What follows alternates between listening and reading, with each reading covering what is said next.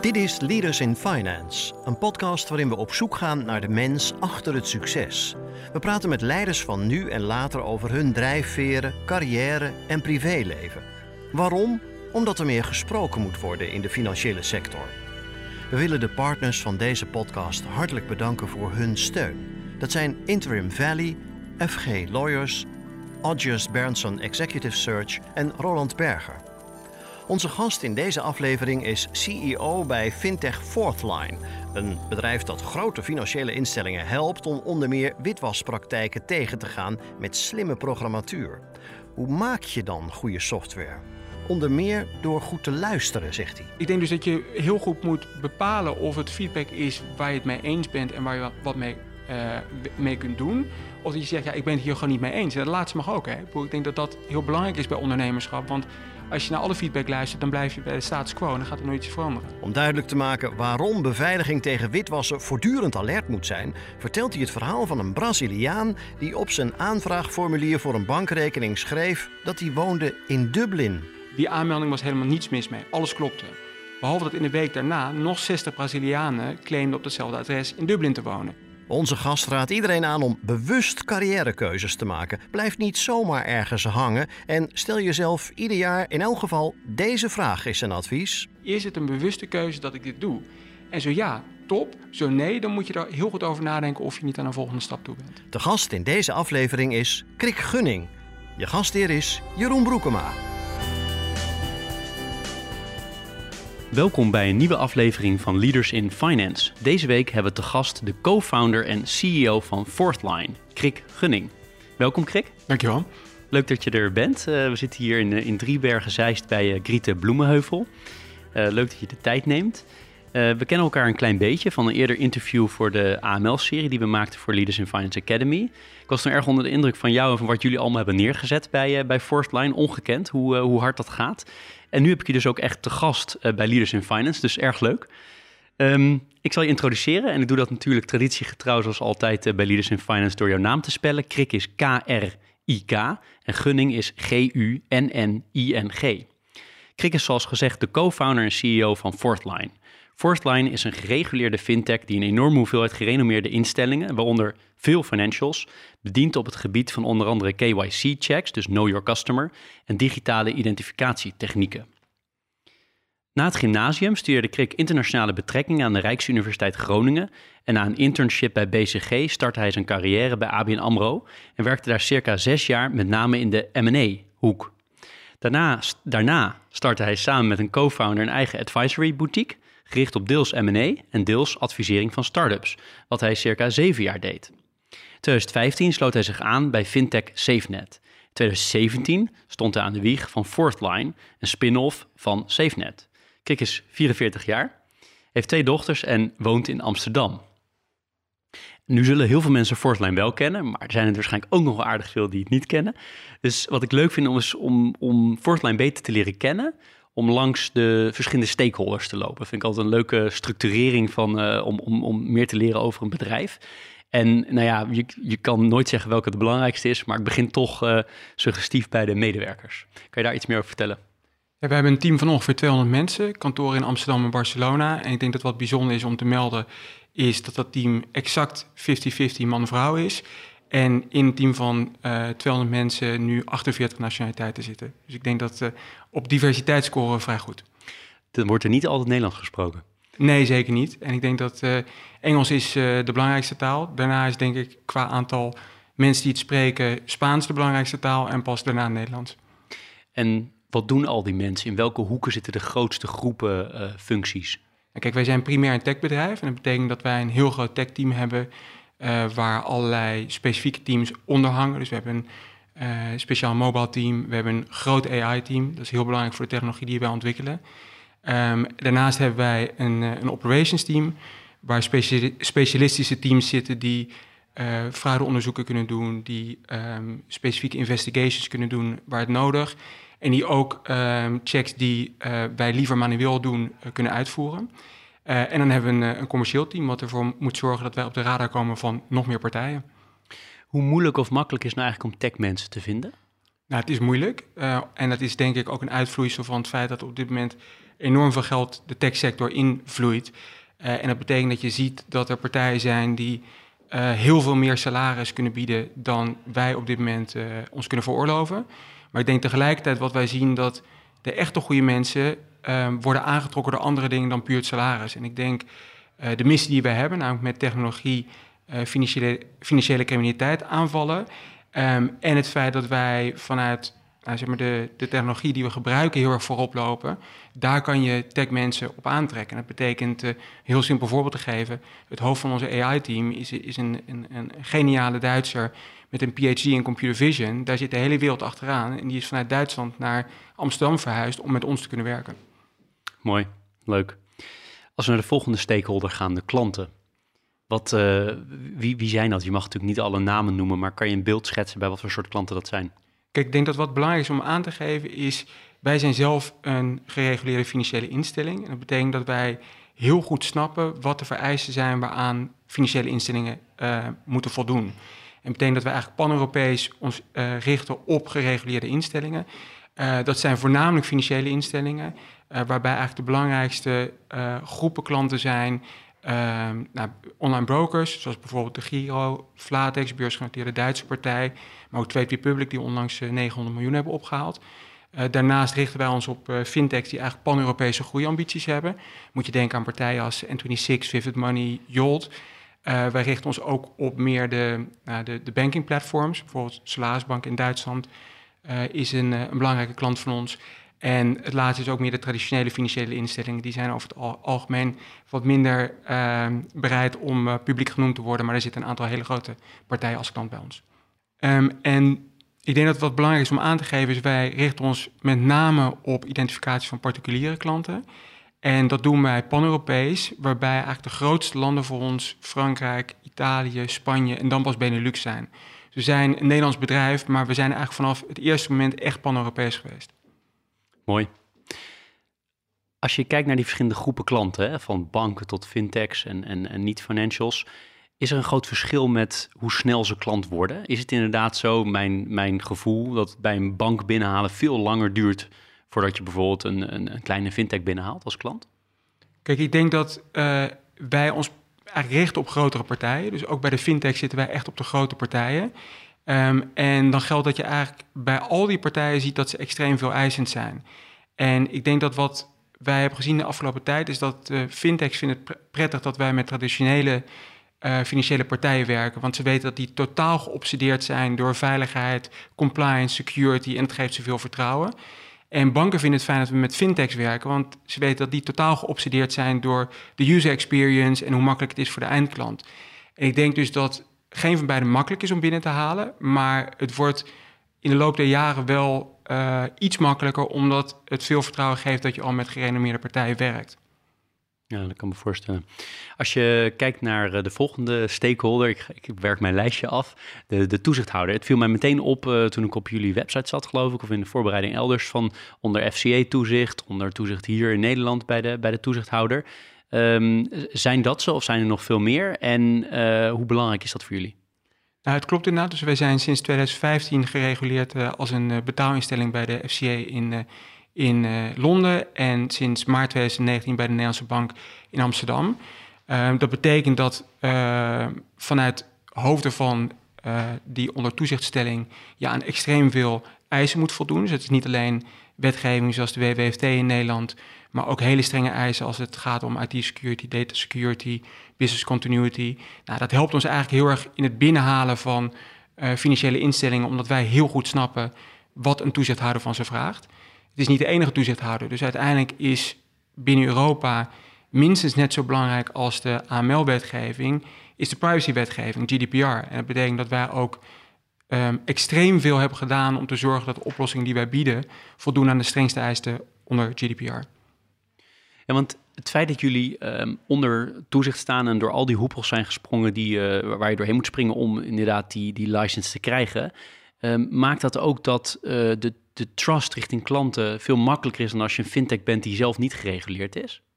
Ja, ik denk het wel. Want ik denk dat um, als je een vendor onboarding proces ingaat met een grote financiële instelling, zijn zij verplicht om extreem veel vragen aan je te stellen. Dus dan krijgen wij een Excel met 400 rijen die wij moeten invullen.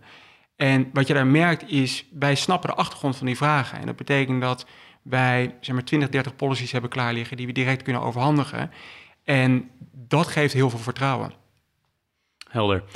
Andere stakeholder, de eigenaren. Wie, wie is eigenlijk de eigenaar van uh, Fourthline? Het zijn uh, professionele investeerders die hebben geïnvesteerd en ook een deel van het personeel en het management. Ja. En professionele investeerders bedoel je dan uh, private equity partijen of, of anderszins? Ja, er zit venture capital en ook mensen die vanuit hun eigen vermogen hebben geïnvesteerd in, in Fourthline. Ja. Management, nou daar ben je zelf een, van de, een, een van de personen van. hoe ziet het management er verder uit, met of zonder namen, maar wat voor functies zijn dat? Ja, kijk, we hebben een, een, een managementteam en eigenlijk een, een laag daaronder waar ook hele talentvolle mensen in zitten, waarbij het echt gestructureerd is langs, langs een aantal lijnen. Dus we hebben een, eh, een, commerciële tak waar sales en marketing onder valt. Uh, dan hebben we een, een operations tak waar ook voor ons anti-financial crime onder valt, wat natuurlijk hard is van, van wat wij doen. en we hebben een, een tech en product team. en dat is wat ik eerder al zei, natuurlijk de hart van het product wat we leveren. En waar we ook heel trots op zijn dat alle technologie die wij hebben in-house ontwikkeld is. Helder. Ik ga nog even door met mijn stakeholders. Ik heb er nog twee opgeschreven. Ik kan nog meer verzinnen. Maar eh, aan de leverancierskant, dan heb ik het niet vaak over. Maar het is eigenlijk toch wel interessant. Dan doen jullie echt alles zelf. En dus dan gaat het dan naar de klant of kopen jullie ook nog dingen in? Nou, kijk, wij uh, hebben één hele grote leverancier, dat is AWS. Dus we zijn een cloud-native platform. En dat betekent dat alles uh, loopt op de cloud, wel in Europa. Uh, maar AWS is daarmee een belangrijke leverancier voor ons. Um, en daarnaast, en dat is een beetje veel detail om op in te gaan, maar een van de dingen die wij moeten doen is het screenen van klanten tegen sanctielijsten en adverse media. En wat we daarvoor hebben gedaan is eigenlijk de, de ja, zoals we het in het Engels zeggen, de raw databases. Dus de echte, uh, de namen kopen wij in bij een partij die heet Refinitiv, WorldCheck. En we hebben zelf technologie daar opgebouwd om te kijken of iemand op een sanctielijst staat. Uh, dan false positives te uh, elimineren en een, een separaat proces wat we ook heel geautomatiseerd hebben om te kijken of het echt dezelfde persoon is. Maar dat betekent dat zeg maar, die, uh, die database is ook een leverancier van ons. Ja, snap ik. Helder. En dan de laatste stakeholder, de samenleving in zijn algemeenheid. Hoe, hoe kijken jullie daarnaar? Nou, het is onze missie om technologie in te zetten om financiële criminaliteit te bestrijden. En dat betekent dat als je kijkt naar um, hoe we dat in de praktijk brengen, ja, wij geloven dat dit een pan-Europees probleem is. En dat is ook uh, het doel wat we hebben om onze oplossing bij zoveel mogelijk partijen in Europa uh, aan het werk te zetten. Want elke keer dat je een nieuwe partij aansluit, word je sterker. En dat betekent dat het uiteindelijk wat wij doen, is helpen de integriteit van het financiële stelsel te beschermen. En dat is een maatschappelijke doelstelling. Ja, helder. Want uiteindelijk uh, is natuurlijk even heel simpel gezegd, door jullie technologie en de inzet van jullie mensen, worden er gewoon boeven gevangen, toch? Mag ik het zo stellen? Ja, en dat betekent dat als je op de schaal waarop wij deze checks runnen, en dan gaat het echt om, echt om miljoenen klanten per jaar, betekent dat het ook al is maar een heel klein percentage van die mensen kwaadwillend, wij zien ze wel langskomen. En dat betekent dat als een nieuwe bank uh, opent in Italië, kunnen wij je vertellen wat in de eerste week gebeurt. Dan gaan namelijk alle maffiabazen kijken of je je sanctielijstchecks op orde hebt. Want die komen bij geen enkele traditionele bank binnen. En die gaan dan bij jou proberen. En dat betekent dat wij in zo'n periode selfies van alle uh, maffiabazen voorbij zien komen. Oh, Camorra, oh, Cosa Nostra. en ja, dat is wel een hele wonderlijke. Maar dat betekent dus dat je ook los van zeg maar de mooie kant van een techbedrijf, hier zit ook echt een hele zware verantwoordelijkheid aan voor ons als bedrijf. En dat trekt ook mensen aan, want wat wij doen heeft echt impact. En dat betekent dat op het moment dat wij onze zaken niet op orde hebben en onze technologie niet goed werkt, kan dat enorme impact hebben. En daar trek je dus ook mensen op aan die dat mooi vinden en die dat als onderdeel van hun carrière willen kunnen doen. Heb je ook voorbeelden, geanonimiseerd uiteraard, maar eh, andere spannende voorbeelden van dingen die jullie eruit halen? Ik heb een aantal gelezen in, eh, in een aantal andere optredens van jou, maar heb jij wat dingen die je kan delen? Want het is wel, wel boeiend om te horen. Ja, dus ik denk dat wat belangrijk is om aan te geven is, waar wij in geloven, is een hele grondige check doen op het moment van onboarding, waarbij je binnen wat uh, onder GDPR kan, kijkt naar zoveel mogelijk datapunten die de klant met expliciete toestemming aan ons geeft. het gaat om meer dan 210 datapunten, waarbij je moet denken aan enerzijds uh, een identiteitsdocument. We hebben een selfie nodig, waarbij we zeker willen weten dat het niet een foto van een foto is, dus met liveness zoals je het in het Engels noemt. Uh, we kijken naar adresdata, maar we kijken ook naar data rondom jouw telefoon. En dat kan ons helpen om patronen vast te stellen die niet kloppen. En ik zal twee voorbeelden geven. Het kan op een individueel geval zijn. We hebben een keer iemand gehad die zich aanmeldde met een echt Brits paspoort, waarschijnlijk gekocht op de uh, zwarte markt. Die gaf aan te wonen in Frankrijk, meldde zich aan met een mobiele telefoon met een Duits kengetal, dus plus 49. En geolocatie was in Jekaterinburg in Rusland. Nou, dat is iets waarvan we zeggen dat kan niet kloppen. Die personen hebben vervolgens nog tien keer langs zien komen met mutsen, petten, verschillende identiteiten om te proberen. Maar dat is dus een, eigenlijk een lone wolf. Um, het tweede wat we zien is soms zie je patronen die je pas over tijd gaat herkennen. Dus we hebben een keer iemand gehad die zich aanmeldde met een Braziliaans paspoort en claimde in Dublin te wonen. Die aanmelding was helemaal niets mis mee. Alles klopte. Behalve dat in de week daarna nog 60 Brazilianen claimden op hetzelfde adres in Dublin te wonen. Die 60 hebben we geweigerd, maar dan ga je ook terug naar die initiële aanmelding en zegt: Oké, op dat moment was er geen reden om te twijfelen, maar nu wel, we herzien ons oordeel. Dus dat is denk ik een tweede voordeel, voorbeeld. En misschien een derde voorbeeld is: we hebben tijdens de pandemie, en daar hebben we ook uh, recent een rapport over uitgebracht, gekeken naar wat zijn nou nieuwe trends die we zien. En specifiek tijdens de pandemie hebben we een uh, stijging gezien in het gebruik van deepfakes en hyperrealistische siliconenmaskers. En daar helpt het dat wij pan-Europees opereren. Dat betekent dat op het moment dat je het gebruik van dat soort technieken ziet, en het is niet op één plek in Europa, maar je ziet het in meerdere landen, dan weet je, dit is een nieuwe modus operandi van criminelen. Hier moeten we alert op zijn. Dus dan, wat je dan doet, is je ziet een bepaalde nieuwe vorm. Hè, want criminelen komen continu, het is natuurlijk super innovatief. Hè, het zijn natuurlijk zeer innovatief bedrijven eigenlijk. Hè, maar dan, uh, dan voor het slechte doel. Die komen met iets nieuws in, in land X. En dan jullie aggregeren dat geanonimiseerd ook weer om dat te gebruiken bij andere, andere klanten van jullie. Moet ik het zo zien? Nou, kijk, wat wij niet kunnen doen is klantdata delen tussen financiële instellingen. Dat is gewoon niet mogelijk. Dat mag maar ook de, niet. De maar wat wij wel fenomeen. doen... Ja, wij, wij kijken naar patronen eigenlijk op een cross-partner en cross-border level. Dus wat gebeurt er nu in Europa? En dat helpt je om patronen te herkennen. Dat kan zijn patronen van mensen die samenwerken. Dat is iets wat je echt heel goed met data-analyse kunt vaststellen. En waarbij we ook wel eens gewoon een, een bankenklant van ons hebben kunnen vertellen dat er een extreem groot crimineel netwerk uh, in hun database in Frankrijk zat. Konden wij vaststellen. Um, maar ik denk dat het dus ook gaat bij dit soort dingen. Ons product is nooit af. Dat is een enorme frustrerende constatering, maar dat is zo. Precies om het punt wat jij net maakt, namelijk dat criminelen altijd zullen zoeken naar nieuwe manieren om er doorheen te komen. En dat betekent dat wij ook een team hebben wat specifiek daarnaar kijkt. Dus wij hebben een intern um, anti-financial crime team. Dat wordt geleid door, door Wo Perk, een uh, hele ervaren Zuid-Afrikaanse dame. Uh, waarbij we dus kijken naar wat zijn eigenlijk emerging threats en hoe kunnen wij daarmee omgaan. En daar is dit een voorbeeld van. Ja, mooi.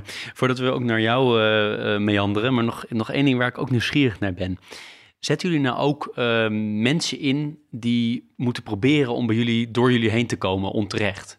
Dus wat je wel eens hoort, dat je mensen kan inhuren die proberen jou, uh, jou te hacken of zo. Doen jullie dat ook, dat je mensen inhuurt om te proberen door jullie uh, identiteitschecks heen te komen of anderszins? Ja, ik denk dat, het, dat je twee dingen moet onderscheiden. Dus één ding wat wij doen is, uh, we doen uh, op regelmatige basis pentesting. Dus dat betekent eigenlijk, kan iemand door de systemen heen komen? Nou, daar zijn hele gespecialiseerde partijen voor die daarbij kunnen helpen. Um, en het andere wat we doen is, wij hebben een, soort constante feedback loop met onze klanten.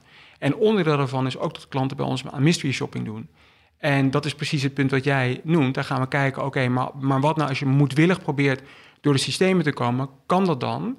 Uh, en, uh, en wat kunnen we daarvan leren op het moment dat het antwoord ja is? Lijkt me wel een leuke rol om te doen. Dat te proberen. Je bent van harte welkom. Legaal uh, proberen illegaal te zijn. Dat is wel ja, een mooie combinatie. ja, dat is wel, uh, wel, wel boeiend. Nou, ik moet zelf wel zeggen dat in de loop der jaren het wel allemaal een stuk strenger is geworden. Toen ik ooit een bankrekening bij N26 opende, was het alweer een stuk strenger dat ik jaren daarvoor bij een andere partij een bankrekening opende online. Dus het is wel allemaal een stuk strenger geworden. Dat is wel, wel helder. Um, Jij hebt heel veel dingen ook gedaan uh, voordat je bij, uh, bij Forthline zit. We komen straks ook wel weer bij Forthline terug. Maar als we eens helemaal teruggaan naar het begin. Hoe ben je, ben je opgegroeid? Wil je daar iets over delen? Ik eh, ben geboren in Amerika. Daar heb ik maar een half jaar gewoond. Toen zijn we verhuisd naar Engeland, vervolgens naar België. En ik heb het merendeel van mijn jeugd in Nederland doorgebracht. Um, heb de middelbare school in Utrecht gedaan. En zoals jij in de inleiding al zei, ben daarna gaan studeren in, in Groningen. Um, maar dat betekent wel dat ik vanaf hele vroege leeftijd eigenlijk een internationale blik heb gehad. En ik denk dat dat heel bepalend is geweest, ook in de keuzes die ik later gemaakt heb. Want waarom werd je geboren in Amerika? Was, zaten jullie daar of toevallig of vakantie? Of was het? Nou, niet, niet, het was niet toevallig. Mijn vader werkte voor de Wereldbank uh, in Washington D.C. En ik uh, ben geboren in Alexandria, wat er eigenlijk uh, naast ligt. Jouw vader werkte voor de Wereldbank. wat, wat, voor, wat voor iets deed, deed hij daar? Wat voor soort rol? Nou, mijn vader is ontwikkelingseconoom. Dus hij is na zijn studie daar gaan werken. En uiteindelijk is hij hoogleraar ontwikkelingseconomie aan de VU in Amsterdam geworden. Ja, want ik had, dat, dat las ik inderdaad. Ik las dat je moeder ook al leraar uh, is. Welk, kan je iets meer vertellen over wat zij, uh, welke hoek zij zit? Dus mijn uh, moeder is hoogleraar sociale geneeskunde. dus zij zit eigenlijk aan de medische kant. dat was ze aan de UvA. Dus we hadden twee hoogleraren thuis, één van de VU en één van de UvA. Daar kan je interessante discussies over voeren. um, en mijn moeder is later in de raad van bestuur van, van het AMC, dus het Academisch Ziekenhuis in Amsterdam, gekomen. En wat betekent dat twee wetenschappers als ouders? Nou, dat je, als je een argument wil winnen, je van hele goede huizen moet komen. Lukt jou dat soms? Nou, kijk, ik denk dat, en dat heb ik ook wel eens in het FD gezegd, bij ons thuis werd er gedebatteerd op het scherp van de snede. En dat betekent dat uh, wel verwacht werd dat als je een standpunt innam, dat je dat heel goed kon onderbouwen. En ik denk dat ik dat van heel jonge leeftijd heb meegekregen. En dat, dat helpt ook in het latere leven. Mooi. En de, de, de rationele versus de gevoelskant, hoe, hoe, hoe was dat bij jullie thuis? Uh, was het altijd uh, debatteren, dat is denk ik per definitie een hele rationele kwestie, alhoewel. Ah, dat weet ik niet, dat kan vrij emotioneel worden. Kun over discussiëren, kan zeer emotioneel worden. Maar hoe was die verhouding? Was het ook een, heel, uh, een hele rationele opvoeding of juist ook heel veel, was het makkelijk om over gevoel te praten? Ja, nee, ik heb echt een ongelooflijk fijne opvoeding gehad waar ik helemaal niets te klagen heb gehad. Dus ik denk dat zeg maar, mijn start wat dat betreft enorm goed is geweest. Ik had uit, volgens mij uit dat FD-artikel wat je net zelf ook aanhaalde, maar het zou ook ergens anders kunnen zijn, uh, twee dingetjes gepikt die ik wel, wel boeiend vond. De eerste is die spelletjes, dat jullie veel spelletjes speelden. Ja. Wat, wat, wat deden jullie dan? Nou, we hebben heel veel verschillende spelletjes uh, gespeeld. En dat, dat varieerde van zeg maar, de bordspellen zoals Monopoly... tot ook wat in, in het FD-artikel staat... De, de weerwolven van Wakkerdam. En dat is dan met de hele familie. En dat is iets wat altijd bij ons heeft meegespeeld. En waar altijd heel fanatiek aan meegedaan wordt door de hele familie. Wat leuk. En kon je goed tegen je verlies? Nee. Nee, is dat veranderd? Nee. nee, vertel. Nou, ik denk dat ik wel heel competitief ben en dat daardoor zeg maar verliezen mij niet zo heel erg makkelijk afgaat. En dat was vroeger zo, maar dat is nog steeds zo. Ik zal er niet verder op doorvragen. Maar um, het andere puntje wat ik eruit had gepakt was uh, dat je ouders de televisie eigenlijk maar niks vonden. Ja, dat klopt. Dat vond ik destijds heel frustrerend. Dus we mochten um, naar Coat en kijken met Keek op de Week. Maar verder was het vooral allemaal met maten. Is dat ook iets waarvan je later zegt van uh, eigenlijk was dat wel goed en ik doe dat nu bij mijn kinderen ook? Nou, het zijn twee verschillende vragen volgens mij. Dus als ik er later op terugkijk, denk ik ja, het was goed. Doe ik het nu met mijn eigen kinderen? Is het eerlijke antwoord nee. Dus ik denk dat als je kijkt hoe de maatschappij veranderd is... en met name zeg maar, wat een dominante rol schermen in ons leven spelen... ga ik niet pretenderen dat ik daar nu heel erg goed in ben. Nee. Zijn er nog andere dingen uit je opvoeding die heel cruciaal geweest zijn voor jou? Dat als mensen jou daarover vragen, dat gebeurt eigenlijk niet zo heel vaak, maar waarschijnlijk. Maar als mensen jou vragen van wat was nou echt heel belangrijk in jou, ook nog in jouw dagelijkse zijn als CEO van, van dit bedrijf, wat je uit je opvoeding uh, hebt meegenomen? Het allerbelangrijkste is wat ik net noemde, de internationale blik. Dus ik denk dat als je van zo jongs af aan dat meekrijgt en ook van zo jongs af aan uh, wordt blootgesteld aan uh, verschillende talen, verschillende culturen, verschillende landen, dan helpt dat enorm als je uh, een team leidt waar nu 50 nationaliteiten in zitten. Dus ik denk dat dat één ding is. En het andere wat ik heb meegekregen, wat denk ik ook wel een rode draad in de carrière, is van de talenten en kansen die je hebt, moet je optimaal gebruik maken. Wat dat ook is. En dat heb ik heel sterk meegekregen vanuit huis. En ik denk dat dat uh, ook iets is wat ik nu nog dagelijks zie bij Fortline. En heb je die, die wetenschappelijke kant ook wel eens overwogen? Omdat dat zo, uh, nou ja, zo meegekregen is in de opvoeding? Nee, dat, dat niet. Maar ik denk wel als je kijkt naar um, wat een, een scale-up doet en wat een wetenschapper doet, dan zit er eigenlijk meer, uh, zit er meer overlap in dan je misschien in eerste instantie zou denken. En ik denk dat zeg maar, het echt kunnen doorgronden van de materie, dat dat mij heel erg heeft geholpen, ook bij Fortline. Dus heel simpel voorbeeld, je vroeg net hoe kun je financiële instellingen overtuigen om met je te gaan werken. Nou, een, een absolute voorwaarde is dat je weet waar je over praat. Dus de Fifth email Directive in Nederland, de WWFT, ja, ik weet gewoon wat daarin staat. En ik kan aan de eh, relevante artikelen refereren op het moment dat je met een, compliance officer van een grote bank praat. En dat schept heel veel vertrouwen. Dus ik denk wel zeg maar, dat het echt goed kunnen begrijpen waar je over praat, is iets wat ik heb meegekregen en wat mij in een hele andere context dan de wetenschap wel helpt. Ik zou heel simpel kunnen concluderen dat die internationale blik, dat dat ook ertoe heeft geleid dat je internationale betrekkingen bent gaan studeren. Is dat ook zo? Is het ook zo gegaan of is het anders gegaan? Nou, ik heb um, in eerste instantie propeduize economie gedaan. En ik vond dat daar te weinig internationale uh, nou, uh, content aan bod kwam. En toen heb ik vervolgens een, dat heet een bovenbouwstudie gedaan, waarbij je internationale betrekkingen studeerde. En dat is geen toeval. Dat had daar dus mee te maken. Ja. helder. Hoe kan je verder zeggen hoe jouw studententijd was? ik heb uh, een, een hele leuke studententijd gehad. Daar heb ik enorm van genoten. Um, ik denk als je erop terugkijkt, is het uh, vol overgave, het studentenleven, maar ook um, twee hele mooie stages. Dus ik heb stage gelopen bij de Boston Consulting Group in Nederland, wat ik waanzinnig vond. En vervolgens heb ik stage gelopen um, bij ABN AMRO in Beirut in Libanon. Uh, en dat, met name dat laatste is wel heel vormend geweest voor de stappen daarna ook. Dan kan je voorbeelden geven, want dat Beirut, dat vind ik wel heel boeiend, hoe dat was. Okay. Hoe oud was je? je was... Um, dit was in 2002, dus was ik uh, 24 uit mijn hoofd. Um, en uh, ja, ik moest nog drie, ja, klopt. Um, en je solliciteerde voor het internationale stageprogramma zonder te weten waar je naartoe zou gaan. Dus ik ken iemand die naar België gestuurd werd en ik ken iemand die naar Brazilië gestuurd werd.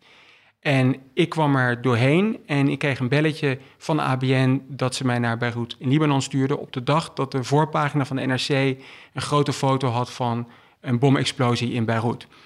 En vervolgens kwam ik daar en er waren twee dingen interessant. Eén is dat in Beirut geen enkele Nederlander werkte en zij mij eigenlijk als de gezant van het hoofdkantoor zagen.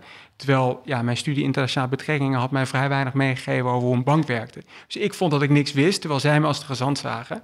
En het tweede was dat daar een enorm talentvolle groep jonge mensen uh, werkte. En, en Beirut is natuurlijk een, uh, echt een letterlijke multiculturele stad, waarbij de financiële sector destijds eigenlijk beheerst werd door ja, elitaire christelijke families. Dat is eigenlijk de, hoe het was. En um, die werkte ook bij ABN. En die zeiden op dag één tegen mij: Kijk, wij weten wat voor beeld jij hebt van Libanon op basis van de krant. Wij gaan jou laten zien hoe Libanon ook kan zijn. En ik heb daardoor, denk ik, in die periode een, misschien een wat uh, ja, uh, scheef beeld gekregen van hoe Libanon in elkaar zit, maar wel echt een geweldige tijd gehad. Wat mooi. En had je ook het gevoel dat je iets kon bijdragen?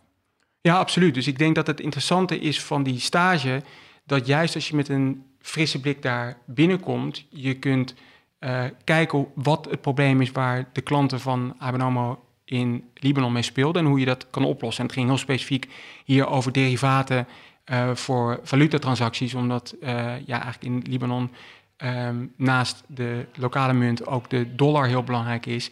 en daardoor heel veel van de klanten van ABN daarmee worstelden. En daar heb ik uh, een bijdrage aan kunnen leveren. En dat was uh, een mooie vuurdoop voor de financiële sector. Ja, inderdaad. En die, dat voorpagina verhaal, dus de veiligheidssituatie, die bleek heel erg mee te vallen? Of heb je ook echt gevaarlijke dingen gezien en meegemaakt? Nou, ik vond het fascinerend en dat is meer, zeg maar, als je, als je uitzoomt, het verschil tussen wat media ehm, naar buiten brengt en wat de feitelijke situatie is. En voor mij was de eye-opener dat er op een gegeven moment, ik woonde daar in een hotel en ik keek CNN en er was een uh, breaking news item, riots in Beirut. En je zag het op televisie en het zag er buitengewoon ernstig uit. Uh, behalve dat ik zag waar het was. En ik kon naar mijn balkon lopen en zien dat er eigenlijk echt helemaal niets aan de hand was. En ik denk dus, ja, ook daarbij zeg maar, de rol van de media en wat er feitelijk aan de hand is, uh, daar zat een heel groot verschil tussen. ik heb me daar nooit onveilig gevoeld. Er is één uh, bomaanslag geweest toen ik er was, maar dat was op een totaal andere plek. daarna is het eigenlijk helaas bergafwaarts gegaan met Libanon. Eh, wat ik met pijn in mijn hart heb, heb gezien. Maar toen ik er zat, absoluut niet. Ja, je bent dus ook nooit meer terug geweest waarschijnlijk. Ik ben wel, uh, nou, ik, ik ben nog nooit terug geweest. Ik, ik heb wel nog contact met, met mensen uit die periode. Maar wat je eigenlijk ziet is dat al die talentvolle mensen waar ik het over had, zijn allemaal verhuisd naar uh, Dubai, wat nu het financiële centrum in de regio geworden is. Je werd daar vanuit internationale betrekkingen, bovenbouwstudie, kwam bij ABN AMRO. Is het dan toevallig geweest dat je in de financiële sector terecht bent gekomen? Of zat er altijd al wel iets dat je dat interessant zou vinden? Eerlijkheid gebied te zeggen dat primaire aan, uh, aantrekkingskracht was het feit dat je naar het buitenland kon. Ja. En ABN AMRO had gewoon een waanzinnig stageprogramma en daar wilde ik onderdeel van zijn. Nou, grappig, mooi. En uiteindelijk dus in die, in die, in die M&A-hoek uh, terechtgekomen. En wat ik boeiend vind is eigenlijk tweeledige vraag. Eén is, wat, wat is het meest belangrijke wat je bij ABN AMRO geleerd hebt? Wat je vervolgens bent, uh, kunt gaan, uh, bent gaan gebruiken verderop. En de andere vraag is, hoe kwam het dat je bent gaan ondernemen? Wat was de trigger daarvoor? De eerste vraag is denk ik een, een hele simpele. En als je ook kijkt naar de gasten die jij hier hebt gehad. ABN AMRO was in die tijd uh, echt een opleidingsinstituut. En heel veel mensen die later op uh, leidinggevende posities zijn gekomen in de financiële sector, hebben een historie bij ABN AMRO, waarbij ABN gewoon een waanzinnig opleidingsinstituut was. Um, en ik heb dus ook echt geen, geen kwaad woord over ABN AMRO, omdat zij mij een basis hebben gegeven waar ik nog steeds elke dag van profiteer. En ik denk dat het eigenlijk twee dingen zijn. Eén is het onwaarschijnlijk hard werken met een groep hele talentvolle mensen uh, en dat kunnen doen terwijl je echt onwaarschijnlijk veel plezier hebt. Dus ik denk dat dat één element is. En het tweede is dat je daar gewoon leerde om kwalitatief heel hoogwaardig werk af te leveren. En die leerschool heeft mij ook later geholpen met de andere functies. Dus ik denk dat dat uh, het antwoord is op de eerste vraag. En het antwoord op de tweede vraag is, dat zat er altijd wel in. Dus met ondernemerschap vond ik altijd interessant. Dus ik heb ooit een keer tegen mijn ouders gezegd dat ik later marktkoopman wilde worden, omdat je dan tenminste aan het einde van de dag tastbaar resultaat had van je werk van die dag. En mijn eerste stap met ondernemerschap waren op, uh, op Koning, Koningsdag, of toen nog Koninginnedag. Uh, eerst was toen ik een jaar of zes was, was een falikante mislukking. Toen ben ik wandelende takken gaan verkopen op de, op de vrijmarkt. Uh, en ik weet niet of je weet hoe uh, wandelende takken zich voortplanten, maar je hebt eigenlijk één moeder en daar, daar letterlijk komen zeg maar, spruiten van af. Oh. Uh, en ik had uh, een waanzinnig goede verkoop. Ik had uh, alle jonge wandelende takken verkocht. Maar toen kwam er helaas één iemand terug die klaagde dat de wandelende tak overleden was. En het enige wat ik toen nog kon doen, want ze wilde niet haar geld terug, ze wilde een andere wandelende tak, was de, het ruilen voor de moeder. Maar daarmee was mijn productiecapaciteit naar nul gegaan. Oei. Dus dat is van, van, van korte duur geweest. Ik heb wel later nog revanche genomen met een, een, een, een andere opzet op Koninginnedag die wel heel succesvol is geweest.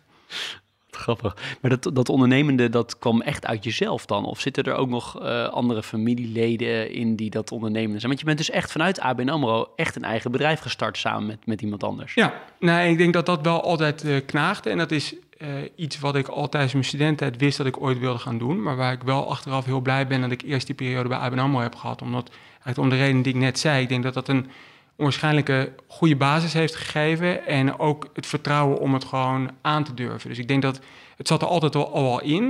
Um, en ik denk dat dat eigenlijk de trigger voor mij op een gegeven moment was toen ik daar, nou, je gaf het net al aan, uh, vijf en half, zes jaar zat. Dat ik dacht, nu is het tijd, omdat ik nu het vertrouwen heb dat ik het aandurf. En het was op een eigenlijk een hele rare tijd, want dat was rondom de overname van, van ABN AMRO. Het was eigenlijk een moment waarbij uh, het behoud van personeel heel belangrijk was. Er lag letterlijk een gegarandeerde bonusbrief voor mij. Het enige wat ik hoefde te doen was blijven zitten. En toen heb ik toch de keuze voor ondernemerschap gemaakt. Ik ben er achteraf heel blij mee. Maar eerlijkheid gebied te zeggen, dat was wel tijdens de financiële crisis. Dus ik heb nog wel eens uh, in mijn eerste jaren van ondernemerschap teruggedacht aan die gegarandeerde bonusbrief. En gerealiseerd wat een uh, goudgerande voorwaarde ik daar eigenlijk had. Maar was het nou uiteindelijk een moeilijke keuze of wist je het gewoon echt wel, ik ga het gewoon doen? Nee, ik wist dat ik het ging doen. Ja, dus het was uiteindelijk voor jou geen moeilijke keuze. Mensen om je heen zeiden misschien van, oh, spannend, gewaagd of, of anderszins. Maar voor jouzelf was het eigenlijk heel helder. Het was voor mij heel helder. Ik weet wel nog dat ik zenuwachtiger was voor het gesprek waarin ik ging opzeggen dan voor mijn sollicitatiegesprek. Want ik had het heel goed bij de ABN. Ik vond het heel erg leuk. En ik ging dus ook wel weg met pijn in mijn hart. Maar het was een keuze uit volle overtuiging. Hoe ging dat in het begin? Je eerste klant binnenhalen? Hoe heb je het aangepakt? Kijk, ik denk dat omdat ik heel goed wegging, heb ik ook kunnen profiteren van uh, het netwerk van uh, ABN AMRO. Dus ik heb ook uh, klanten via ABN AMRO kunnen krijgen. en dat heeft enorm geholpen aan in die eerste fase. Dus ik denk dat ook wel een les is bij dat soort dingen. Je moet zorgen dat je altijd op goede voet weggaat, want je weet nooit wanneer je elkaar weer gaat tegenkomen. Maar ik denk dat wel het, de grote leerschool is op het moment dat je echt gaat ondernemen, is je moet street, street smart worden. En ABN AMRO had zeker aan de investmentbanking kant een enorm dominante positie in Nederland. En dat betekent dat de deals eigenlijk relatief makkelijk binnenkwamen, omdat je zo'n leidende positie hebt. Ja, en dat is niet zo als je een bord in de tuin zet en, en zelf begint. Dus het is heel veel harde werken. Ehm, maar ik heb ook wel eens daaraan aan gedacht. Wij waren bij ABN AMRO enorm goed in, in, het, in het modelleren... Uh, van hoe de toekomst er over 15 jaar uit zou zien in Excel. En om een heel simpel voorbeeld te geven, een van de dingen waar je dan naar kijkt is: oké, hoe gaat werkkapitaal zich ontwikkelen? Nou, ik heb heel veel modellen gemaakt en altijd was de aanname dat klanten sneller zouden gaan betalen en jezelf minder snel hoefde te betalen. Nou, dan word je ondernemer en dan kom je erachter dat dat niet is hoe het in de realiteit werkt. Dus dan heb je een klant die de rekening niet betaalt en dat heeft echt materiële impact. Dus ik heb wel eens nagedacht, ik denk dat het voor heel veel mensen die bij een grote financiële instelling werken heel goed zou zijn om gewoon een keer drie of zes maanden in een MKB-bedrijf mee te draaien en te snappen wat dat voor realiteit uh, met zich meebrengt. Dat is een mooi voorbeeld van uh, street smart, zoals jij het noemt. Wat zijn nog meer voorbeelden van street smart? Nou, kijk, ik denk dat je ook heel goed moet kijken naar waar zit uh, eigenlijk je product market fit. Dus waar ben jij goed in en waar kun je verkopen? En dat betekent dat ik vind ondernemerschap altijd een combinatie van aan de ene kant eigenwijs zijn en zeggen: ik ga het anders doen, ik trek mijn eigen plan, we gaan radicaal veranderen hoe uh, een bepaalde markt werkt. En tegelijkertijd moet je uh, een heel goed luisterend oor hebben. Dus je moet wel luisteren naar wat vertelt de markt je als feedback en moet je daar misschien het product op tweaken. Dus je eigenwijs zijn is, is extreem goed, je eigen koersvaren is goed, maar dat betekent niet dat je blind moet zijn voor feedback uit de markt. Dat is wel mooi. Dus je moet continu de balans zoeken tussen die twee. Maar dat, dat is ook best wel onzeker soms. Want soms denk je, moet ik hier nou toch eigenwijs zijn en op mijn eigen pad blijven? Of moet ik toch nog beter luisteren? Je kan ook niet met alle feedback wat doen. Nee, maar ik denk dus dat je heel goed moet bepalen of het feedback is waar je het mee eens bent en waar je wat mee, uh, mee kunt doen. Of dat je zegt, ja, ik ben het hier gewoon niet mee eens. En dat laatste mag ook. Hè? Ik denk dat dat heel belangrijk is bij ondernemerschap. Want als je naar alle feedback luistert, dan blijf je bij de status quo en dan gaat er nooit iets veranderen. Dat is wel mooi, dat is wel, leerzaam. Op een bepaald moment heb je dan toch gezegd, ik stop je mee. Hoe ging dat? En, en hoe kwam je dan vervolgens bij uh, SafeNet terecht? Eigenlijk wat je zag gebeuren, ik heb uh, Ivy Road zeven jaar gedaan. De laatste twee jaar, dus 2013, 2014, zagen wij steeds meer partijen opkomen in fintech. Dat was toen in de US al, al heel groot en het begon in Nederland tractie te krijgen. En daarvan heb ik toen eigenlijk gewoon voor mezelf gezegd: oké, ik ga educated guess nemen. Ik wil in fintech werken. Ik heb inmiddels 150 startups voorbij zien komen. Ik had je hebt 150 startups heb je begeleid of geholpen of anderszins? Uh... Ja, en dat was vaak op, uh, op fundraising en op strategie. En op een gegeven moment zie je daar wel bepaalde, uh, bepaalde dingen die bepalen of iets later een succes kan worden. En ik heb toen SafeNet eerst geadviseerd. En een jaar later ben ik teruggegaan en heb gezegd, hoe ver zijn jullie? En toen heb ik gezegd, ik wil aan boord. Dus ik heb een, een sprong genomen, maar wel uh, gevoelsmatig een onderbouwde sprong. En heb je gezegd, ik wil gewoon bij jullie werken? Of ik wil maar maakt niet uit welke functie of wat? Ik, ik, vind jullie zo interessant, ik kom aan boord. Ja, en toen heb ik verteld waarom ik degene was die daar aan boord moest komen. Toen ben ik bij Stevenot als commercieel directeur uh, binnengekomen. Uh, en dat was in, in 2015 inderdaad. En uiteindelijk, SafeNet bestaat nog, begrijp ik. Uh, maar een, zoals ik in de inleiding zei, een spin-off is, is Fourthline geworden. Hoe is dat dan gelopen dat jij uiteindelijk met, die, met een, een stuk van SafeNet uh, verder bent gegaan, ook als CEO?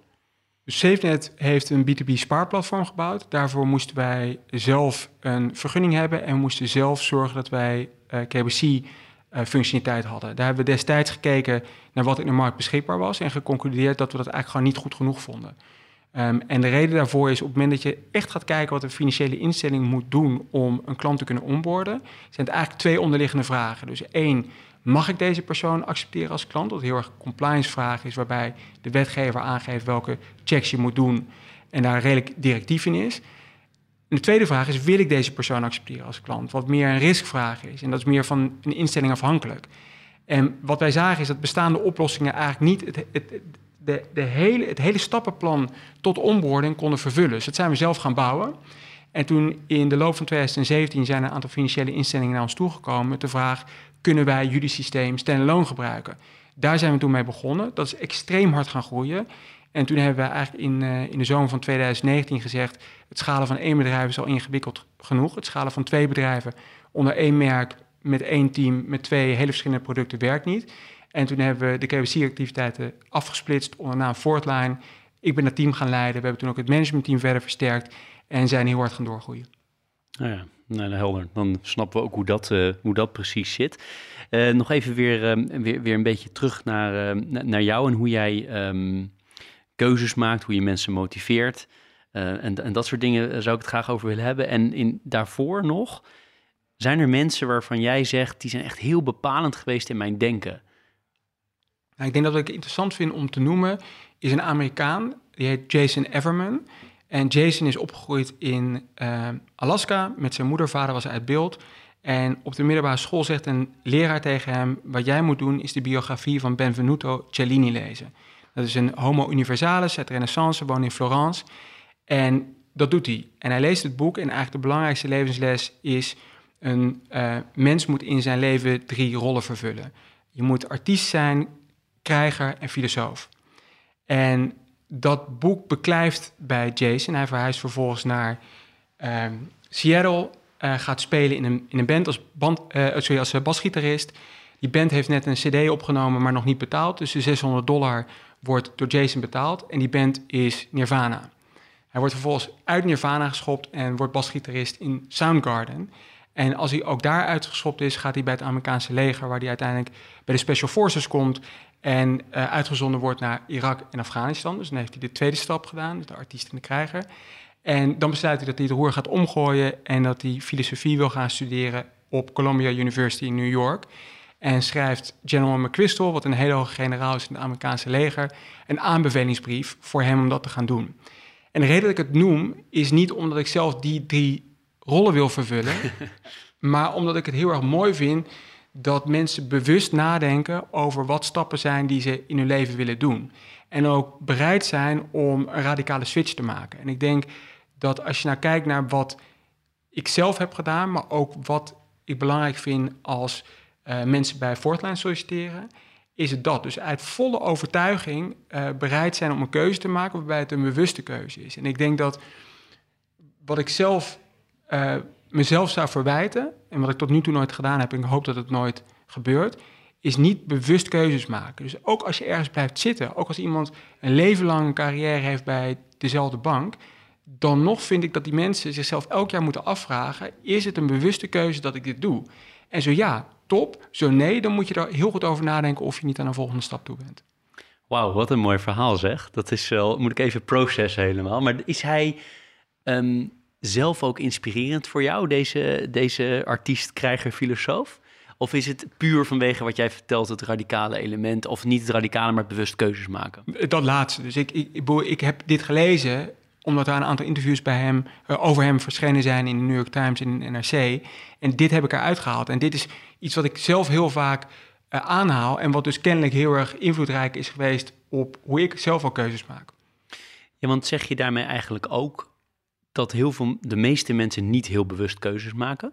Nou, dat weet ik niet. Maar ik vind op het moment dat mensen bij Fortline solliciteren, vind ik het belangrijk dat ze dat wel bewust doen. Ik heb al aangegeven dat wat ons enorm helpt, is dat we een missie hebben die maatschappelijke relevantie heeft. En zeker voor de jonge generatie is dat extreem relevant als ze naar een uh, volgende stap op zoek zijn. En ik denk ook dat het iets is waarmee je in een hele competitieve markt kunt onderscheiden.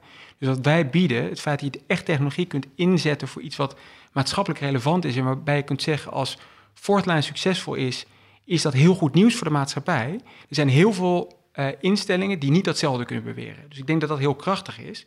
Maar dat betekent ook dat op het moment dat iemand daar onderdeel van wil zijn, hoop en verwacht ik dat dat een bewuste keuze is. Dus op het moment dat, dat ik mensen interview, is het meestal zo dat ja, zeg maar, aan de harde criteria voldoen ze. Dus ik hoef niet te testen of iemand de relevante technische kennis heeft om bij ons te werken, want dat is al in eerdere gesprekken gebeurd. Maar waar, waar het mij wel om gaat, is maakt iemand een bewuste keuze voor Fortline, of had Fortline net zo goed het bedrijf X, Y, Z om de hoek kunnen zijn. Maar mag het dan, moet de bewuste keuze dan in jouw visie zijn uh, dat mensen dat doen omdat ze bijvoorbeeld aan een groter iets meewerken, wat jij net beschrijft? Of kan de bewuste keuze ook gewoon simpelweg zijn, ik wil daar werken omdat Krik daar werkt, of ik wil daar werken omdat Pietje daar werkt? Ik denk dat het, het kan veel dingen zijn. Dus wat ik denk dat het belangrijk is, waar ik mensen vaak op test. Wij nemen ook mensen aan die komen van een groot bedrijf. Nou, ik, ik weet zelf heel goed hoe het is om bij een hele grote bank zoals ABN te werken. En ik weet heel goed hoe het is om bij een scale-up te werken. En daar zitten positieve kanten en negatieve kanten aan beide. Dus het is niet zo dat ik een Hosanna-verhaal heb over skill-ups en negatief ben over banken. En zeker ook niet de andere kant op. Maar ik test mensen wel of zij beseffen wat het betekent. En om een heel simpel voorbeeld te geven, ehm, voor talentvolle mensen biedt een skill-up als fourth line oneindige carrièrekansen. Waarom? Het bedrijf groeit knetterhard. Bij, we zijn alleen het eerste kwartaal 145% gegroeid. We gaan dit jaar uh, meer dan verdubbelen. Dus een bedrijf wat zo hard groeit, brengt kansen met zich mee. En ook nog, de cultuur die wij hebben is, als jij het goed doet, dan gaan we jou extreem veel verantwoordelijkheid geven. En dat betekent dat jonge mensen bij ons heel erg snel kunnen doorgroeien. Nou, dat is denk ik de positieve kant ervan. Um, de flipside is, ja, bij een scale-up heerst een bepaalde mate van chaos. En die is bij ons denk ik wat minder dan bij andere skill-ups, omdat wij zelf een financiële instelling zijn. Maar als jij wil weten wat je in december 2023 voor taakomschrijving hebt, dan ben je bij ons niet aan het juiste adres. Helder. En nog, een, nog heel even doorvragen op dat, uh, op dat verhaal van bewust keuzes maken. Want kijk, wat, wat mij altijd opvalt, is dat als je zelf iets doet wat best wel onverwacht is, in jouw geval bijvoorbeeld bij ABN AMRO weggaan, terwijl het eigenlijk hartstikke goed ging, de bonusbrief lag er al, enzovoort, enzovoort, jouw verhaal, dan zullen, is mijn ervaring, heel veel mensen zeggen, jeetje, wat neem je een risico? En dat toch vaak angst, wat ook heel logisch is, we zijn natuurlijk best wel hardwired als uh, primaten, uh, dat angst toch wel vaak een, doorslaggevende uh, rol speelt. En heb jij een idee, om samen eens met mij over na te denken, wat je zou kunnen doen om dat niet de overhand te laten uh, zijn, maar meer te richten op wat je echt, wat jij nu bewust keuzes maken noemt? Ik denk dat ik waarschijnlijk de verkeerde persoon ben om te vragen, want ik heb daar geen last van gehad, zoals blijkt. Maar ik denk wel dat wat er onderdeel van is, en mijn vrouw zegt dat wel eens tegen me, die zegt van oké, maar denk nou na wat het meest negatieve scenario is. En kun je daarmee leven? Nou, als dat antwoord daarop ja is, dan is daar eigenlijk helemaal niet spannend. En zo is het ook met ondernemerschap. Ja, als jij een, een goed stel hersens hebt en je, hebt het, je doet het nu goed bij een traditioneel bedrijf, gegarandeerd kun je daar altijd naartoe terug. Dus wat is dan downside risk om te gaan ondernemen? Helder. Is er nog iets wat overigens jij denkt van, nou ooit zou ik nog wel eens een keer ook iets heel radicaal anders doen. En wat is dat dan? Zou je zelf ook nog een keer uh, de, de, de artiesten krijgen, de filosofenkant op willen of heel iets anders? Ik denk dat ik uh, op zijn minst nog 25 jaar zal werken. En ik denk dat de kans dat ik dat 25 jaar bij Fortline doe niet heel erg groot is. Nee, maar heel iets anders? Ja, ik denk dat, dat die, die kans zou, zou wel bestaan. Maar dan is de vervolgvraag, uh, weet je nu wat het is? En dat, het antwoord daarop is nee, want ik ben bezig bij Fortline zijn we bezig met iets heel groots... waar ik extreem enthousiast over ben. Helder. We hebben bij uh, Leaders in Finance ook altijd een teaser en een pleaser. En ik hoor dat jij wat iets geluisterd hebt van ons, dus dat zal niet helemaal als een verrassing komen uh, waarschijnlijk. Aan de teasende kant heb ik opgeschreven het volgende. Um, partijen zoals jullie, hè, die, uh, er zijn natuurlijk nog, nog een aantal die vergelijkbare dingen doen. Um, voor, voor jullie is uiteindelijk het grootste risico wat jullie lopen, want het is natuurlijk een mega groeimarkt en er komen steeds weer nieuwe dingen bij, zoals je beschreef. Maar het grootste risico wat jullie lopen, is dat een klant, laten we zeggen een grote financiële instelling bijvoorbeeld, of een hele andere, een andere klant, er gaat iets mis op dit gebied. En dan zeggen ze ja. En ik wijs nu, het een podcast, dus dat schiet niet op, maar uh, dat uh, ligt bij die partij die, waar wij het hebben geoutsourced. En ja, die zijn gereguleerd, maar sorry, daar kunnen wij niks aan doen. Zij maken die fout. Dat is een stelling. Dat is jullie grootste risico van partijen zoals jullie. Nou, ik denk dat het heel belangrijk is om onderscheid te maken tussen twee scenario's. Dus als je kijkt naar waar financiële instellingen door in de problemen zijn gekomen, is dat je het helemaal plat slaat eigenlijk voor drie dingen. Of voor het niet hebben van adequate procedures, of voor het niet volgen van die procedures, of voor het niet kunnen aantonen dat je die procedures hebt gevolgd. Nou, dat betekent eigenlijk dat als je op de schaal waarop wij opereren klanten onboord, moet je accepteren dat statistisch gezien er iets mis kan gaan. En dan is de fundamentele vraag, is dat verwijtbaar? En de verplichting die wij hebben richting klanten is om te zorgen dat de afspraken die we gemaakt hebben en de procedures die wij moeten volgen, dat die netjes gevolgd zijn. Op het moment dat dan iemand naar ons wijst, kan ik any day of the week verklaren waarom iets mis kan gaan. Want dat moet je accepteren, maar dan is dat niet verwijtbaar. Op het moment dat wij uh, zouden gaan rubberstampen op elke klant en geen checks zouden kunnen doen, vind ik het volledig terecht dat we daarop aangesproken worden. Ja, dus je bent het niet met de stelling eens? Nou, kijk, ik denk dat. Uh, is, is het een risico dat mensen naar ons wijzen? Ja, natuurlijk, want ze hebben een buitengewoon belangrijk en sensitief dossier bij ons neergelegd. En dat betekent dat wij daar extreem serieus mee moeten omgaan. En dat betekent dus ook dat op het moment dat wij iets niet goed doen, ze naar ons mogen wijzen. Helder, helder. Oké. Nou, dat is mooi. En aan de pleasende kant stellen we altijd dezelfde vraag. Dezelfde vraag en dat is, uh, heb je bepaalde boeken? Lees je graag? Nou, uit een wet wetenschappersgezin uh, gok ik van wel, maar misschien uh, is een verkeerde aanname, kan zijn. maar zo ja, zijn er bepaalde boeken die jou erg geïnspireerd hebben... of waarvan je zegt, die geef ik graag cadeau of die herlees ik wel eens? Ik heb denk ik een aantal soort type boeken die ik leuk vind om te lezen. En dat is uh, zowel zeg maar, fictie als, als, als non-fictie. Ik denk dat aan de non-fictiekant is het meer zeg maar, smaakgevoelig. Dus daar is de vraag hoeveel uh, plezier je een luisteraar doet met een advies. Ik denk dat er twee boeken zijn aan de, aan de non-fictiekant die ik interessant vind om te noemen. Eentje is uh, een boek dat heet de Zanzibar Chest. Het gaat over iemand die uh, opgroeit in eigenlijk, een, een, gezin met koloniale roots in Kenia. Dus een Engels gezin, maar in Kenia. En hij wordt later oorlogscorrespondent. En het is dus eigenlijk een verhaal over en de koloniale geschiedenis en uh, zijn oorlogsverslaggeving. Dat is een boek wat ik aan veel mensen cadeau heb gegeven. En denk het andere is, ik, ik lees ook vrij veel businessboeken. En wat mijn conclusie daarbij is, is dat je eigenlijk meer hebt aan boeken die beschrijven wat er mis is gegaan dan boeken die beschrijven wat er goed is gegaan. Ik denk dat dingen die mis zijn gegaan vaak meer um, waardevolle lessen geven dan dingen die goed zijn gegaan. Dingen die goed zijn gaan zijn heel erg lastig te kopiëren. Terwijl dingen die mis zijn gegaan kun je wel uh, vermijden. En daarbij heb ik uh, recent het boek Billion Dollar Loser gelezen. Wat gaat over WeWork. En ik denk dat als je kijkt naar de techsector en um, de recente ontwikkelingen rondom waardering en de beschikbaarheid van kapitaal, dan bevat dat boek een hoop wijze lessen over wat je niet moet doen. Kan je er één noemen? Nou, ik denk dat het, het, probleem van WeWork fundamenteel was dat zij extreem goed waren in marketing, daarmee extreem goed waren in kapitaal ophalen. Ze waren extreem slecht in een goed waardevol product bouwen en nadenken hoe je daar geld mee kan verkopen. Dus ja, de, hun motto toen ze een IPO probeerden was, uh, of sorry, de missie was Elevate the World's Consciousness. Dat waren gewoon een deelkantoorverhuurder. En daar verdienen ze ook nog eens helemaal geen geld mee. En ik denk dus dat als je kijkt naar hoe wij Fortnite aan het uitbouwen zijn, is de basis is gewoon een knettergoed product hebben. En daarna kan je de marketingkraan uh, uh, openzetten en kun je partijen gaan vertellen over hoe goed het is. Maar het begint met eerst een knettergoed product, waarbij je ook hebt nagedacht hoe je er geld mee kunt verdienen. Product eerst, marketing twee, niet andersom. Ja. Dat is de les. Um, mooi. Het Zanzibar boek, waarom geef je dat graag cadeau? Nou, omdat ik het zelf gewoon interessant vond om, om te lezen en ik het daardoor ook, ja, het is bij me beklijft. Ik ben er zelf niet in Kenia geweest, maar in Tanzania. Dus het is ook iets wat ik vanuit die, dat oogpunt interessant vind. En het vertelt eigenlijk gewoon twee verhalen um, die, die parallel lopen aan elkaar, maar die ik daardoor gewoon wel heel interessant vond. En er zitten fantastische foto's in, want hij uh, is ook aanwezig op het moment dat bepaalde regimes vallen, waardoor hij in presidentiële paleizen in één keer selfies kan maken aan het bureau van de voormalige dictator. Dus het is ook nog gewoon vermakelijk beeldmateriaal. Mooi. Nou, leuk. Leuk om te horen. Het klinkt uh, als een boek wat ik misschien eens op vakantie ga meenemen deze zomer. Dat is wel, wel interessant. Um, je organisatie is enorm hard gegroeid. Hè? Er zijn een heel, heleboel mensen bijgekomen in, uh, in korte tijd. Um, als je nu dingen wil veranderen in je organisatie, vroeger zat je met 10 of 20 man, ik noem maar wat, dan is het vrij makkelijk. Je kan bijna met z'n allen even om tafel gaan zitten en we gaan het zo doen. Hoe voer jij nu veranderingen door in jouw, uh, in jouw organisatie? Nou, kijk, wat wij gedaan hebben, daar zijn we vorig jaar mee begonnen en voeren dit jaar door. Dus we werken met, uh, met OKR's. Dat is iets wat eigenlijk door, door Google groot gemaakt is.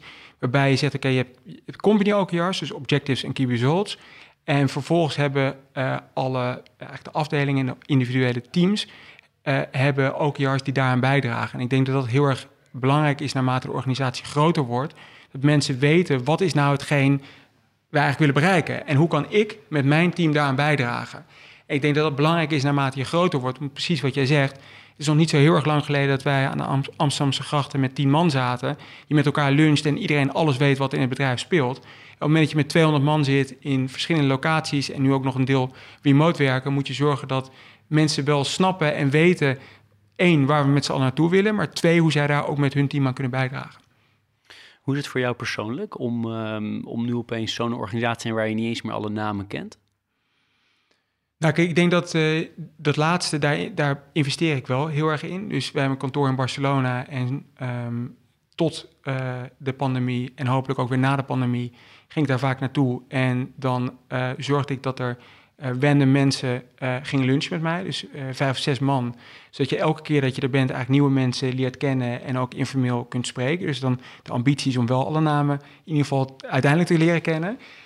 maar ik denk wel dat als je kijkt naar puur vanuit leiderschap, dat betekent dus ook dat je als, als leider moet veranderen. Want ja, die keukentafel met tien man vergt iets anders dan het bedrijf waar we nu staan. En gelet op de ambities die we hebben en wat ik net zei, dat we misschien 5 of 10 procent klaar zijn met wat we eigenlijk willen bereiken, betekent het ook dat ik persoonlijk zal moeten veranderen in de komende jaren om succesvol te blijven. Hoe doe je dat? Heb je daar ook een coach voor bijvoorbeeld? Of hoe pak je dat aan? Ja, dus ik praat met mensen die uh, mij daarbij kunnen helpen, die in vergelijkbare situaties hebben gezeten en die op het moment dat er een ingewikkelde situatie is, ik ze kan bellen en, en om hun mening kan vragen. Ja.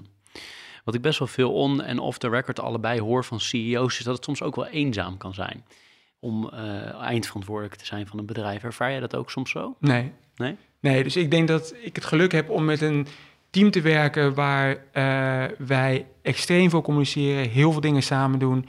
En ik heb gewoon een knettergoed team. En dat geeft vooral heel veel energie. En ik heb het nog nooit als eenzaam ervaren. Dat is mooi, hou zo. Ja. Dat is, uh, misschien uh, moet ik je maar eens koppelen aan CEO's die dat wel zo zien. Want dat is dus, uh, klinkt als dat eigenlijk het belangrijkste is. Dat je dus mensen om je heen hebt waar je echt heel graag mee werkt. Ja, en die ook je blind kunt vertrouwen. Want ik denk dat een van de belangrijkste transities is... op het moment dat je van die 10 naar 200 man gaat... is je kunt onmogelijk alles nog zelf doen. Dus je, je, je moet delegeren. Dat vind ik ook heel belangrijk. Zeker omdat we um, talentvolle mensen, wat ik eerder zei... alle kansen willen bieden... Maar dat betekent dus ook dat je mensen om je heen moet hebben die je blind durft te vertrouwen. En ik denk dat dat uh, heel fijn is als je, als je dat hebt. Want dan weet je gewoon, oké, okay, dit is een safe pair of hands. Ik hoef me er niet zorgen over te maken. Helder. Welke tips heb jij voor mensen die nu starten? En nou ja, specifiek het liefst in de financiële sector, omdat het toch leaders in finance is? Kijk, ik denk dat als ik zelf terugkijk, um, ben ik enorm gebaat geweest bij de periode bij ABN AMRO. Dus dat is denk ik uh, iets waar ik, nooit spijt van heb gehad. Maar ik denk dat de belangrijkste les eigenlijk terugkomt wat ik eerder zei. Maak bewuste keuzes. En dat betekent dat je niet je carrière 30 jaar vooruit kunt plannen. Maar zorg wel dat je jezelf constant blijft afvragen: is dit waar ik gelukkig van word? Of is, er iets anders waar ik misschien gelukkiger van zou kunnen worden? En, en zorg dat je uh, op zijn minst één keer per jaar jezelf die vraag stelt. Dat doe je ook? En hoe, hoe doe je dat? Gewoon heel praktisch. Dat vind ik wel interessant voor mensen om zelf ook te doen. Hoe pak je dat aan? Ga je dan... Nee, ik ga het niet invullen, laat ik het aan jou vragen. Nou, kijk, ik denk dat, dat uh, een test, en dat is niet zeg maar, de enige manier, maar een test is... wat nou als je morgen de staatsloterij wint? Wat zou je dan doen? En als het antwoord is, nou, dan uh, ga ik acuut ontslag nemen... dan zit je waarschijnlijk niet longterm op de juiste plek. En ik snap dat uh, er kunnen allerlei hele goede redenen zijn om dat nu niet te doen. Dus er kunnen financiële verplichtingen zijn... waardoor je niet nu je baan wil opzeggen... Maar ik kan wel zeggen, volmondig, dat als ik morgen de staatsloterij zou winnen, er geen haar op mijn hoofd eraan denkt om weg te gaan bij Fortline. Wat voor mij een bevestiging is dat ik iets aan het doen ben, wat ik gewoon en waanzinnig leuk vind, en waarvan ik denk dat ik de komende jaren nog extreem kan doorgroeien. Maar ik denk dat op het moment dat je ergens zit waar misschien je eigenlijk te veel in je comfortzone zit, waarbij je te goed weet dat je kunt doen wat van je verwacht wordt, dat dat misschien een indicatie is dat je een keer om je heen moet gaan kijken. Vind ik leuk. Ik denk dat uh, met jouw permissie deze vraag over het winnen van een loterij gaat toevoegen aan het repertoire. Want het is eigenlijk wel aardig om te kijken. En laat ik eens bij jou beginnen dan als eerste. Want ik ga hem vanaf nu vaker stellen, ben ik van plan. Als jij dat wint, dan blijf je dus deze rol doen. Maar wat ga je wel met dat geld doen?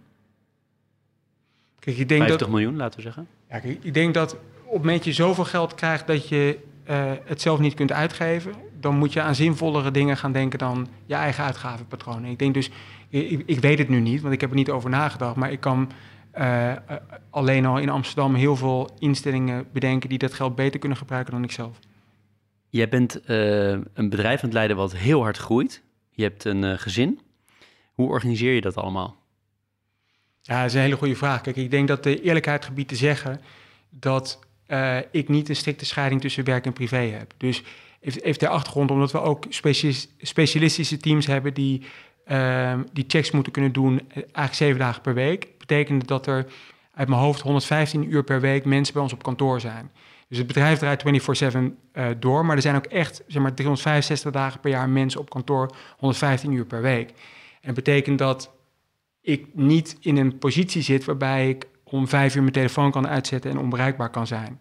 Ik denk uh, de, de grote, um, het grote voorrecht wat ik heb, is dat ik in Amsterdam woon en werk. Wat betekent dat mijn uh, woon-werkverkeer 10 minuten op de fiets is. En ik denk dat dat een enorm voordeel is om te zorgen dat je voldoende tijd ook uh, aan, aan je gezin kunt besteden. Ja, want hoe manage, managen jullie dat samen thuis? Nou, mijn vrouw Babette is zelfstandig ondernemer en die is daarmee flexibeler dan ik ben. En dat is denk ik een enorme steun voor mij, want ik ben dat soms wel, maar soms ook niet zeker, omdat uh, voor de pandemie ik ook veel reisde. En dat ja, vergt een hoop ook van je echtgenoot en dat doet Babette fantastisch. Mooi. Mooi. Nog tips voor mensen die, net als jullie, allebei druk met werk bezig zijn en kinderen hebben? Ga in de buurt van je werk wonen. Dat is de number, number one tip. Nou ja, ik denk het wel. Want kijk, als je de keuze hebt tussen zeg maar, vijf of tien minuten op de fiets... of uh, anderhalf tot twee uur per dag in de auto zitten... dat betekent dat ik enorm veel win door op de fiets te zitten. Ja, nee, ik, ik, ik kan me helemaal voorstellen. Zeker weten.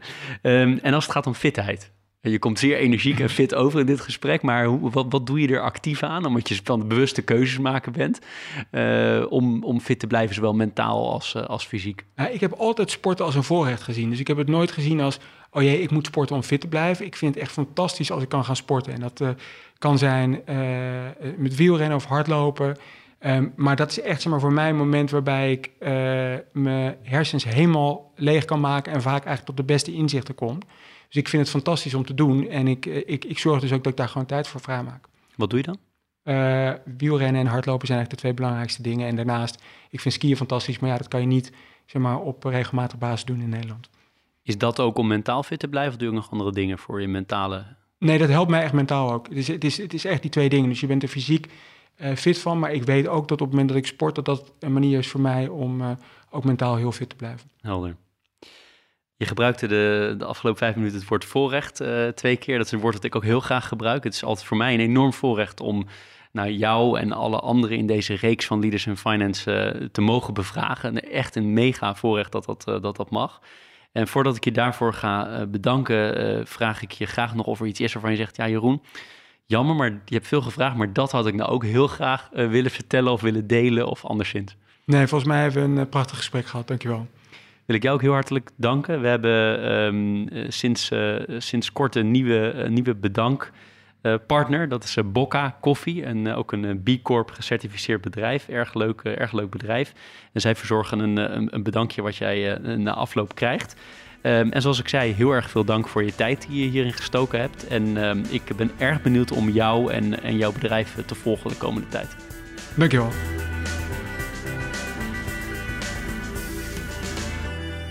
Dit was Leaders in Finance. We hopen dat je deze aflevering met veel plezier hebt beluisterd. We stellen je feedback erg op prijs. Wat houdt je bezig en over wie wil je meer horen? Laat het weten via een Apple of Google review. Dat kan ook via de sociale media kanalen of direct via een e-mail. We kunnen het enorm waarderen als je dat doet. Tot slot danken we onze partners voor hun steun. Dat zijn Interim Valley, FG Lawyers, Odgers Burnson Executive Search en Roland Berger.